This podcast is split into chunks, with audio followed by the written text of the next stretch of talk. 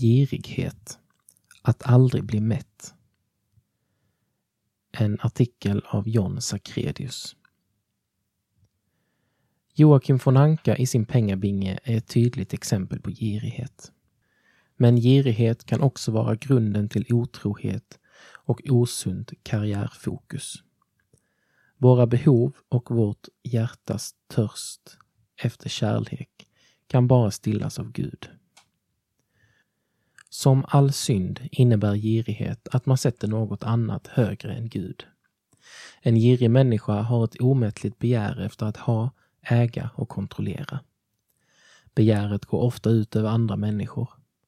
Den som vill leva generöst har istället Gud i livets centrum. Gud, som är kärlekens källa, hjälper oss att höja blicken och leva för något större än oss själva. Då handlar inte livet om att fylla sig själv med ett osunt begär, utan att i ord och handling älska Gud och sina medmänniskor. Det är saligare att ge än att ta. Apostlagärningarna 20, vers 35. Girighet på flera sätt. Girighet förknippas ofta med pengar, men handlar i grunden om att hålla en del av sig själv avskild från Gud.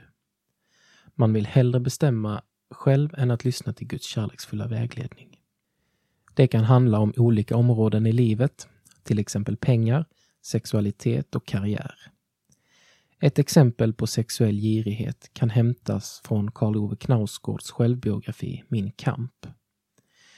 Knausgård skildrar sin sexuella längtan under ungdomen och det tidiga vuxenlivet.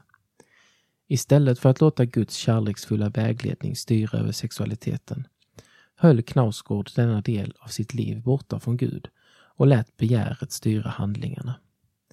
Ett begär som ville ha, äga och kontrollera partnern, men som aldrig blev mättat.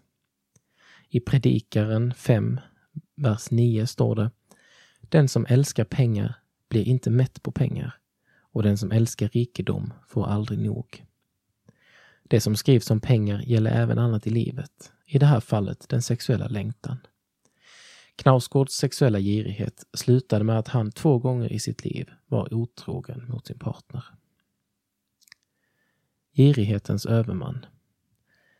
Men i Jesus kan människans kamp övergå till seger. Jesus kärlek, nåd och förlåtelse är tillräcklig för oss. Girighet är i slutändan bara en personlig föreställning om vad man behöver, inte en sann beskrivning av ens behov. Våra behov kan bara fullt tillgodoses av Gud. Som Augustinus säger Du, o Gud, har skapat oss till dig och vårt hjärta är oroligt till dess det finner vila i dig. Eftertanke. Vad i ditt liv vill du inte dela med Gud? Inom vilka områden av livet påverkas du lättast av girighet?